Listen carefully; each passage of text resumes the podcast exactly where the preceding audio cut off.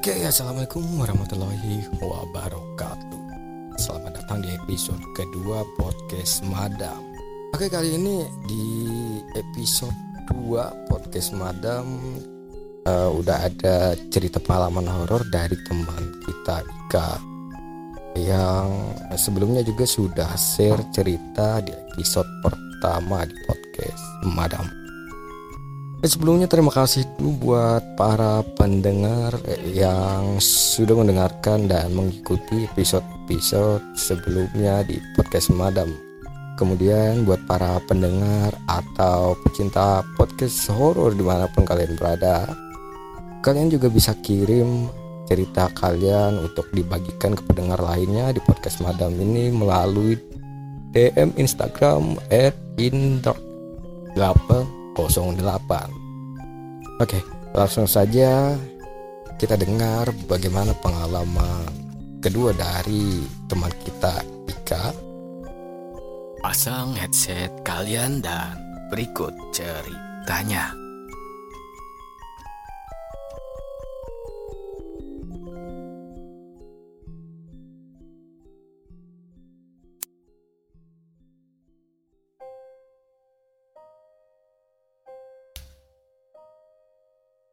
Aku Ika Dan ini adalah pengalaman Atau cerita hororku yang kedua yang aku alami.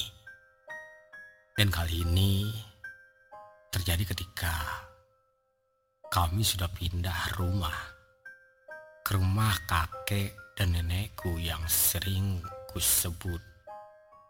Engkong dan emak Masih di daerah Bogor hanya saja berbeda wilayah Rumahku di Bogor Utara sedangkan rumah kakek dan nenekku di Bogor Tengah. Kejadiannya terjadi ketika aku masih berumur 10 tahun. Saat itu aku dan emak sedang memasak di dapur. Kebetulan kami baru saja pulang dari pasar untuk membeli keperluan membuat kue keju. Emak memang hobi memasak. Di rumah emak dan engkong ini ada dua dapur, yaitu dapur utama untuk mencuci piring, memasak, dan lain-lain. Dan dapur kedua untuk meja persiapan menghidangkan makan ke meja makan. Di antara dapur utama dan dapur kedua ini disekat pintu dorong setengah pintu. Jadi kalau di dapur kedua ada orang akan terlihat dari arah dapur utama dan juga sebaliknya. Lalu ada tembok di samping kanan, jendela kaca di samping kiri, dan di tengah-tengah pintu dorong penghubung dapur utama dan dapur kedua. Ketika emas sedang menuangkan terigu, telur, dan bahan-bahan lainnya ke dalam wadah mixer, dan saat itu pandanganku teralihkan. Aku melihat ada sosok bayangan seperti siluet berjalan cepat dari arah jendela ke tembok dengan sangat cepat, lalu menghilang di tembok. Kenapa aku bisa bilang sosok itu hilang di tembok?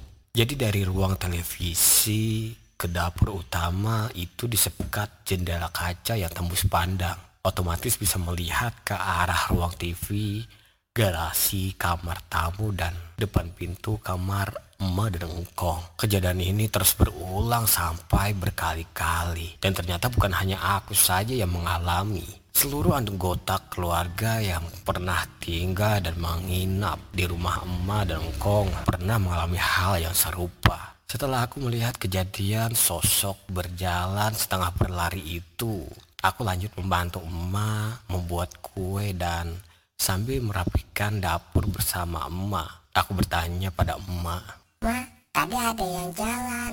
Itu siapa? Tanya aku dengan polos. Gak siapa-siapa. Mungkin dia cuma lagi liatin kita lagi masak apa. Jawab emak sambil tersenyum. Aku hanya menatap emak dengan rasa bingung dan keheranan. Karena mendengar jawaban dari emak yang sepertinya emak pun sudah sering mengalami kejadian yang sama. Kemudian ada lagi pengalamanku yang selanjutnya masih terjadi di rumah emak dan engkong. Waktu itu aku baru saja pulang sekolah dan selesai beres-beres, mandi, makan dan mengerjakan semua pekerjaan rumah. Mungkin karena aku kelelahan, aku tertidur. Saat bangun, jam sudah menunjukkan pukul 11 lewat 45 malam.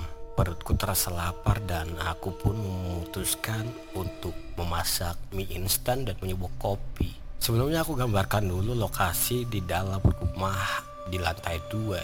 Jadi di lantai dua ada tiga kamar tidur terdiri dari kamar mama, kamar kakak, dan kamar asisten rumah tangga atau ART. Dan ada dua kamar mandi yang ada di kamar mama dan satu kamar mandi ART. Jadi kamar kakakku yang aku tempati ada di dua akses pintu menghubungkan ke depan kamar mama dan teras atas dan terhubung juga ke kamar tidur dan kamar mandi ART. Lalu ketika aku turun mau memasak mie instan, aku lewat tangga belakang.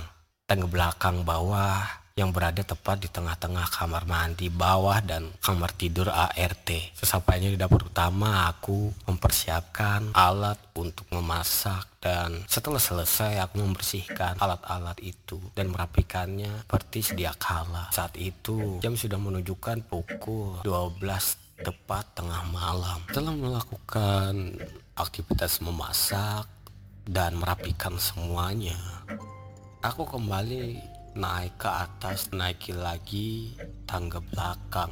Aku melihat dari jendela sekat antara ruang TV dan dapur utama ada sosok perempuan berbaju putih panjang berabot gimbal seperti tidak pernah keramas puluhan tahun. Duduk di sofa depan televisi besar yang biasanya engkong duduk Posisi duduknya sama persis seperti posisi duduk engkong.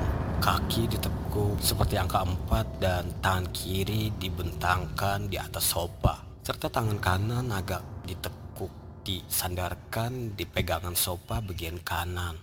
Ketika sosok itu akan menengok ke arahku dari arah kirinya, aku hanya memalingkan wajahku dan aku buru-buru untuk pergi ke atas dan langsung aku menyalakan televisi dengan volume yang besar. Saat itu aku sudah tidur sendirian karena kakakku Aldi kuliah dan memutuskan untuk kos di daerah Bandung.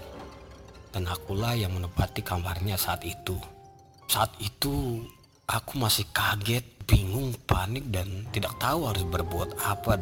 Aku pun memutuskan untuk kembali tidur setelah selesai memakan makananku. Dan paginya, aku langsung menemui Engkong dan menceritakan apa yang terjadi pada aku saat malam tadi.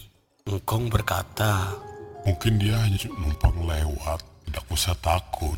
Dan lagi-lagi, aku mendapatkan jawaban seperti Engkong pun sudah biasa mengalami hal-hal mistis seperti itu masih ada pengalaman-pengalaman lain yang ingin aku share. Jadi, nantikan cerita-ceritaku yang lainnya di episode-episode di podcast Madam ini.